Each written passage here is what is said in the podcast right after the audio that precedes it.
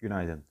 Dün 1441 ile 1457 seviyeleri arasında işlem aktivitesi gerçekleştiren BIST 100 endeksi günü 1452 puan seviyesiyle yatay e, tamamladı. Teknik olarak endeksin 1434 destek seviyesi üzerinde yükseliş eğilimi korunacak olup 1465 direnç seviyesinin kırılması durumunda yükseliş momentum kazanabilir. Amerika ve Avrupa borsaları da dün genel olarak pozitif bir seyir izledi. Kapanışta Dow Jones Endeksi %0.54, S&P 500 Endeksi %1.01, Nasdaq Endeksi ise %1.41 değer artışı gerçekleştirdi.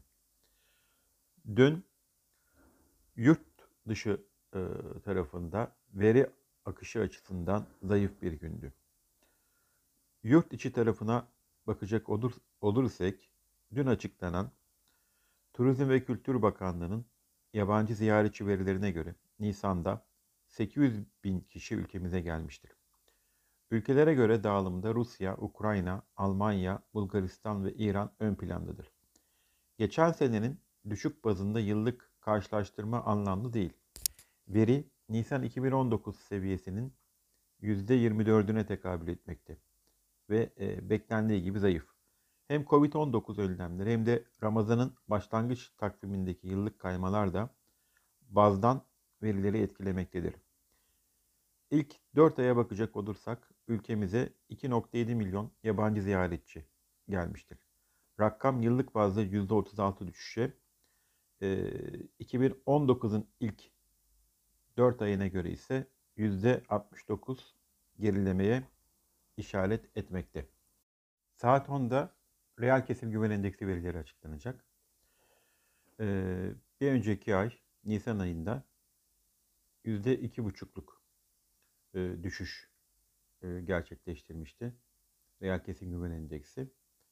Salgına karşı alınan e, önlemlerin e, etkisinin düşüşte etkili olduğunu söyleyebiliriz. Ee, Mayıs ayında da tam kapanmanın etkisiyle reel kesim güveninde bir bozulma görebiliriz.